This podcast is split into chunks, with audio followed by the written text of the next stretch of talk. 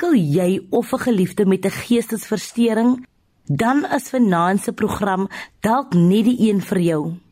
Jy is ingeskakel op RSG by Kompas met Christlyn Cias. Welkom by jou Vrydag aan kuier saam met my. My neus is bietjie toe en my keel 'n bietjie krapperig, maar ons druk voort en kyk noord. Nou kyk geestesgesondheid is iets waaroor 'n mens nooit genoeg kan gesels nie. Daar is steeds hopeloos te veel miskonsepsies rondom die onderwerp en te veel mense ly steeds in die stilte. Die Suid-Afrikaanse kunstenaar Rikki Riek se selfdood onlangs het opslag gemaak omdat niemand dit sien kom het nie. Niemand het dit verwag nie. Vanaand gaan ons probeer om die ding stuk vir stuk aan te vat. Henriette Koek kom deel meer oor haar stryd met bipolêre siekte en dokter Liesel Kessel kom gee handige wenke oor hoe mens 'n geliefde met 'n geestesversteuring kan hanteer en bystaan. Billy Kutse, direkteur van Safrek, 'n nuwensgewende organisasie, kom vertel ook hoe die organisasie hulp kan verleen. Hallo en welkom by Kompas saam met my Christlyn. Kom ons kyk in watter rigting die wind ons vanaand inwaai. Onthou asseblief om uit te reik na ons op 45889 teen R1.50 per SMS of jy kan ons tweet met jou gedagtes by ZARSG. Jy kan ook na ons gaan luister op DStv se audiokanaal 813. Henriette Koek, 'n student by Universiteit Stellenbosch, is as bipolêr gediagnoseer en sy kom vertel ons nou haar storie. Welkom in die Kompas Ateljee Henriette. Voor ons met die onderhoud begin, vertel ons eers wie is Henriette Koek? Ek is 23 jaar oud en ek is 'n geestesgesondheidsbewusmaker. Ek is gebore in Zouar in die Klein Karoo en ek is 'n baie trotse plaaskind. Ek het egter groot geword in Kraaifontein en ek hou baie van die natuur, van reis en ek hou van lees.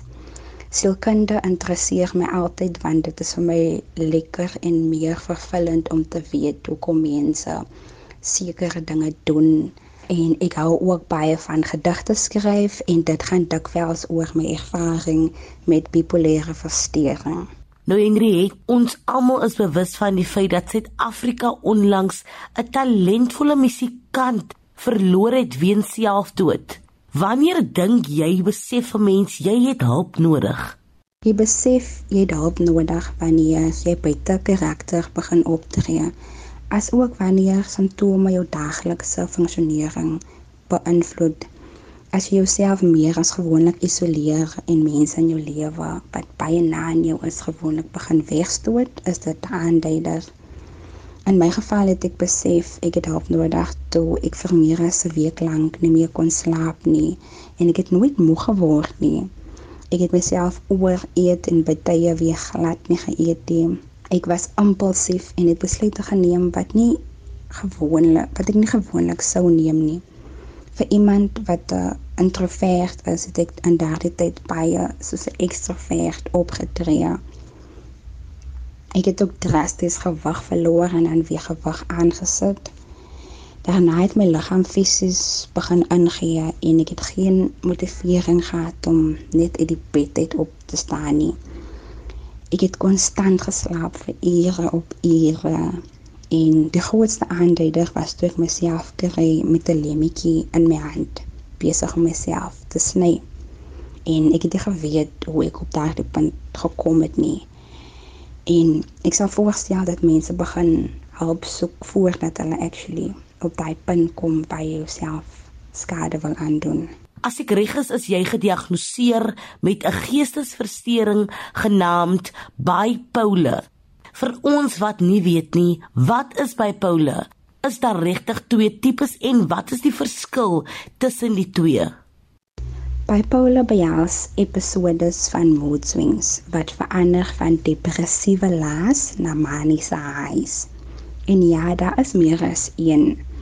Afhangend van watter kriteria gebruik word om bipolar te diagnoseer, kan jy byvoorbeeld by bipolar 1 behels dit ten minste een maniese episode wat voorafgaande is of wat gevolg word met 'n hypomaniese of major depressive episode.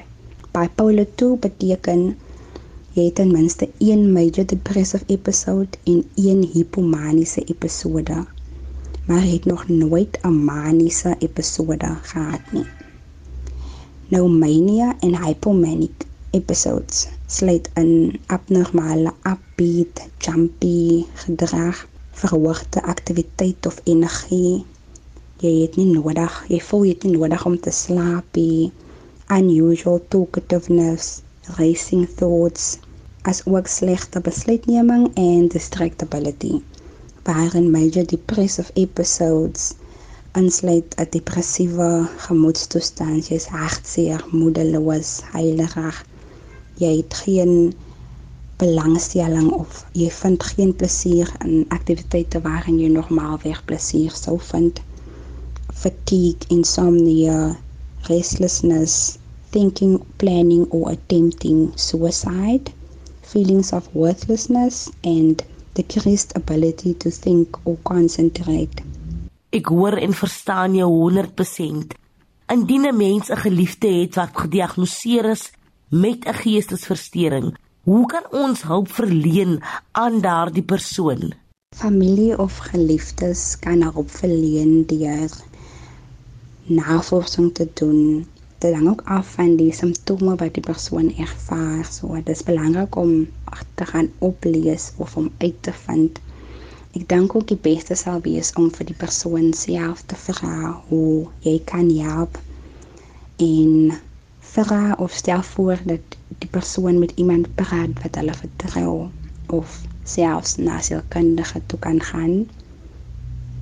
Dan baie belangrik is ook om geduldig te wees want soms weet die persoon self nie wat presies hulle voel nie. En dan moet ook dit gou wees om net advies te wil gee nie. Meeste van die tyd wil ons net hê iemand moet luister sonder om te oordeel. So dis kom ek dink dit is belangrik om vir die persoon te vra, hoe kan ek vir jou help? Wat kan ek vir jou doen? Wat kan ek namens jou vandag doen om jou las 'n bietjie ligter te maak? Henriette, hoe sal jy terapie definieer?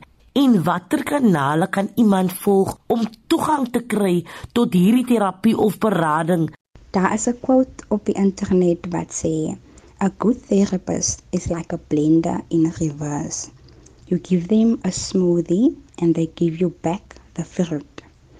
So jy vertel vir hulle al jou probleme, gevoelens of uitdagings en hulle leer jou hoe om die wortel van die probleem of die trauma te kan identifiseer. As ook hoe om die probleem te benader. Terapie leer jou ook hoe om 'n goeie probleemoplosser te word en leer jou gesonde coping mechanisms om saam met hierdie depressie, angs, bipolar of wat ook al die mental illness is te kan leef. Deel asseblief met ons jou motto wat jou deur die donkerste tye gedra het.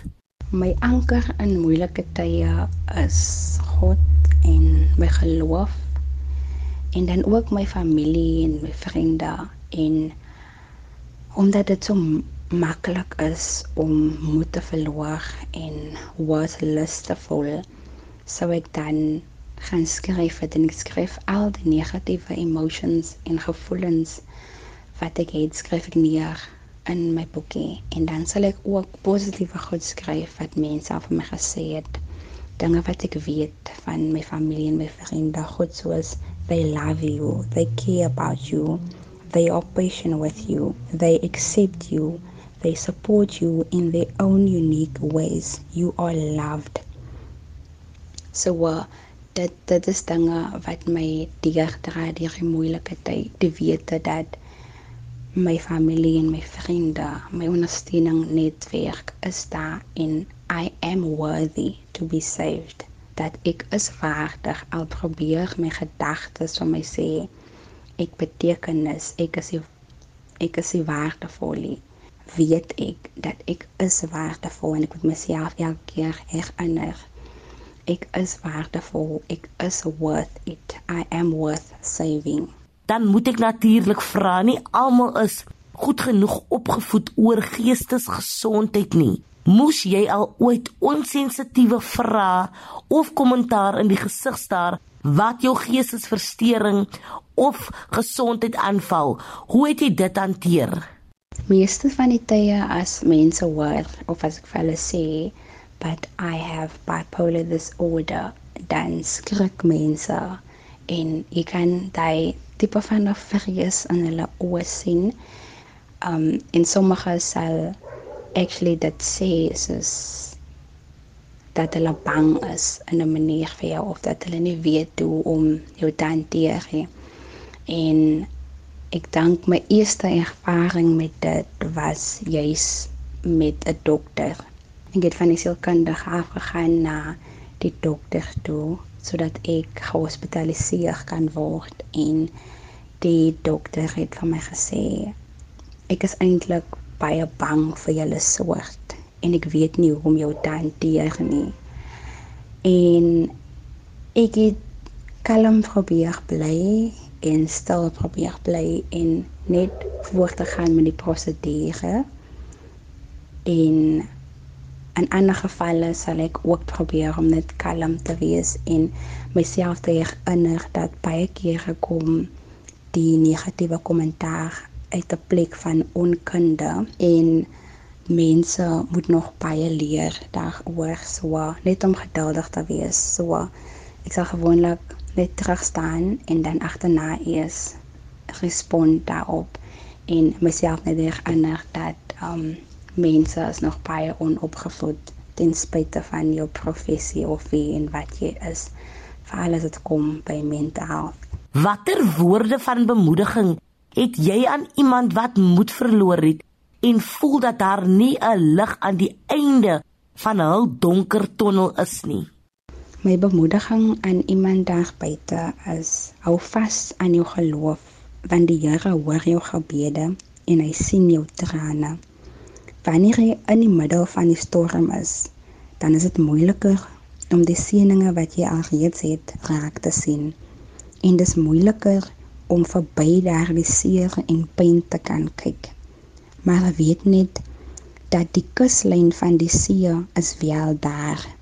Die storm hou eers op en die Here is 'n rotsvestiging vir die verdrukte in tye van benoudheid. Die storm hou eers op. Woorde waaraan ek vanaand gaan vasklou. Ek hoop julle ook.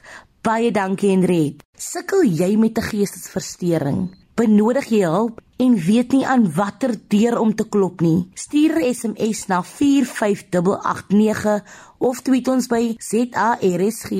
Onthou 'n SMS kos R1.50 elk. Dr Liesel Kessel, 'n algemene praktisyn met 30 jaar ervaring kom sluit nou by ons aan. Welkom dok. Liesel, watter waarskuwingssimptome is van kardinale belang om dop te hou wanneer 'n leerder of 'n persoon in 'n diep depressie gaan en 'n selfdoodrisiko is? Ek dink die belangrikste is om sensitief te wees. As 'n kind stiller is, heelwat stil begin raak, baie minder in gesprekke deelneem, net kort antwoorde gee, of net baie stil is, dit is 'n waarskuwing teken. As 'n kind ook amper van persoonlikheid verander, miskien iemand wat altyd vol grappies was, wat ewe skielik amper nooit meer 'n grappie vertel nie. Ehm um, iemand wat uitbundig was en net ewe skielik baie stil is. Ek dink ook as dit lyk of die uh leerder nie meer wil eet nie of ooreet of amper glad nie eet nie dis alles waarskuwingstekens, dis alles ehm um, wat ek amper wil noem waarskuwingsligte wat begin flikker. Soos as mens oor 'n robot ry en daar's 'n groen lig wat mens net kan ry en daar's 'n oranje wat jou waarsku. Daar's 'n probleem, jy moet nou amper stop en rooi lig sê stop, daar's gevaar. In jou professionele opinie, wanneer is opname nodig? Ons weet dat daar 'n groot stigma rondom geesteshospitale en opnames is as ons praat van tieners, jong mense, natuurlik ehm um, sal hulle aanvanklik maar dink ek sal self regkom of my ma verstaan in elk geval nie of my pa weet nie hoe ek voel nie of my onderwyser is net altyd gepla oor my punte. ehm um, of my universiteitsdosent wil net hê ek moet deurkom. Ek dink eh, soos ek sê die heel belangrikste is kry dadelik hulp. Rather safe than sorry.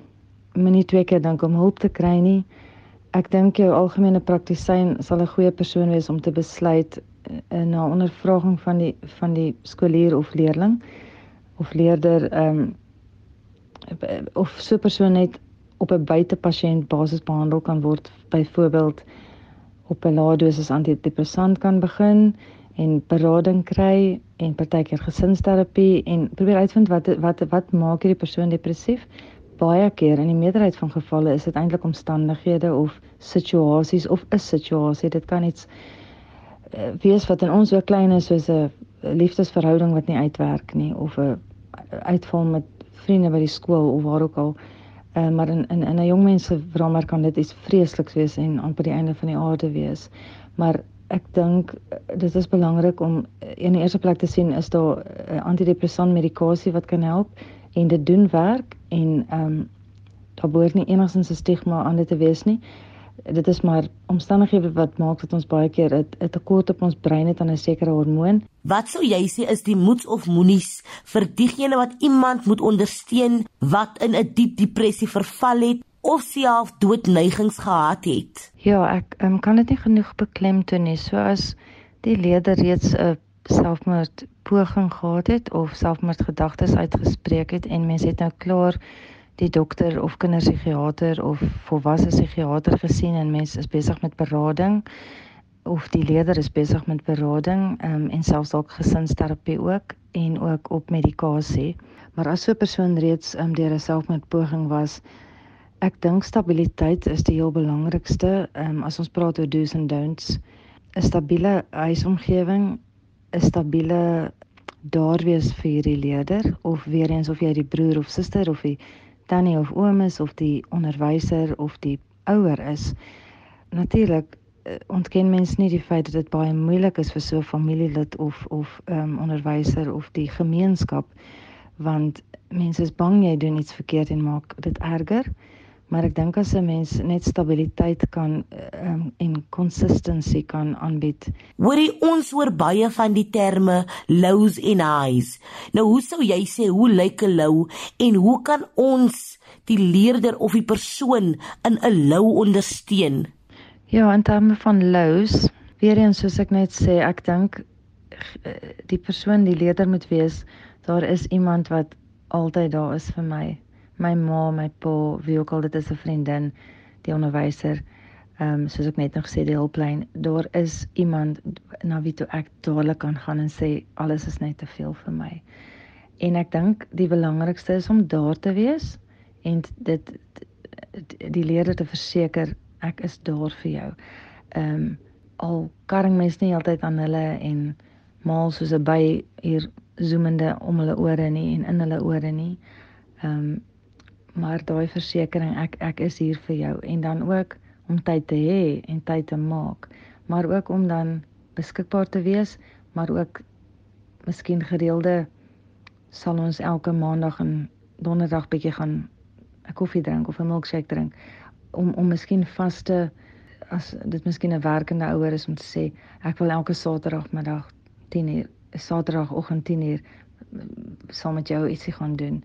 Ehm um, dit hoef nie fortuine te kos nie, maar dis net daai 1 tot 1 tyd spandeer en al praat mens bitter min en al voel dit ongemaklik selfs om net daai belegging te doen van twee keer 'n week maak ek 'n uur vir jou.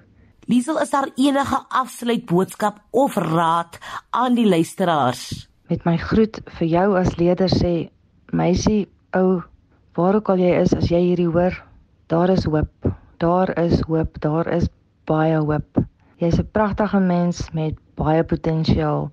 Moenie laat hierdie donker wolk jou onderkry nie. Al wat ek baie mooi vir jou vra is praat met iemand wat jy voel jy kan vertrou of dit by die skool of in die familie is. Praat met iemand, kry hulp. Daar is baie hoop vir jou. Onthou die son breek altyd deur die donkerste wolk. En as die nag op sy donkerste is, is die sonopkoms op sy heel naaste. Daar's hoop, kry hulp, dit sal beter gaan. Baie liefde en seën. Nou gaan ons hoor by Billy Kutse hoe Safrek hulp verleen veral aan diegene wie minder bevoordeel is. Goeienaand Billy. Goeienaand Christlyn en aan al die luisteraars daar buite. Ek is Billy Kutse van the South African First Responder Chaplaincy en daarom dan ook die naam Safrek. Uh dis wonderlike voorreg om met julle te kan gesels vanaand. Billy verduidelik vir ons wie is Safrek? Safrek is 'n geregistreerde nuwe-winsgewende maatskappy wat reeds in 2018 gestig is vanuit 'n visie van pastoor James Warren hier in Pretoria met die doel om gebroke mense in die stikkende wêreld as first responder te bereik en te help op die pad na herstel. 'n Safrik in vennootskap met ander organisasies. Hier by Safrik is ons ook baie baie bevoordeel en geseënd om in vennootskappe met organisasies soos Unchained Our Children wat 'n verskriklike belangrike rol speel in die hulp en redding van kinders reg oor ons land uh en ook dan nou saam met Hospivision Suid-Afrika te staan wat ons bydra en help met besoeke aan hospitale. En hoe is die organisasie 'n bron vir terapie vir leerders of studente? Sedert Junie 2019 tot uh, einde Desember 2021 het Safrek Kapelane 5682 insidente bygewoon wat COVID-19 gevalle, huishoudelike geweld, beradings en baie begrafnisse ingesluit het. Daar was ook besoeke aan die boere en hulle werkers werkers tydens die brande in die Vrystaat en ook dan die steen aan die KwaZulu-Natal plunderingsage. Dit bly en is altyd moeilik. Baie dankie Billy. Baie dankie vir die geleentheid Christlyn. Dit is regtig 'n voorreg en uh, ons sien uit na 'n volgende kuiertjie. Geseënde aand verder. Die Suid-Afrikaanse Depressie en Angsgroep het meer as 160 gratis ondersteuningsgroepe Ryk asseblief uit indien jy hulp nodig het. Jy kan 'n beraader kontak op 011 234 4837. Ek gee hom weer deur, dis 011 234 4837. Vir 'n selfdoodnoodgeval kan jy die nommer 0800 567 567 skakel. Daar is ook 'n 24 uur hulplyn by 0800 456 789. Dit is 0800 456 789. Indien jy enige van ons program gemis het of net baie graag weer daarna wil luister, kan jy dit altyd aflaai op www.rsg.co.za. Klik net op die potgooi skakel en soek onder K vir Kompas. Kompas word aan jou gebring deur SABC Opvoedkunde.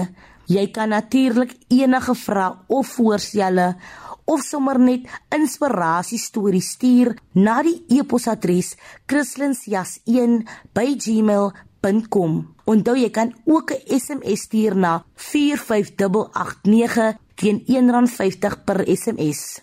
Nou daarmee staan ek terug met 'n dankbare hart van my Christlyn en die lekker span hier by Kompas, 'n veilige en natuurlik 'n feestelike naweek.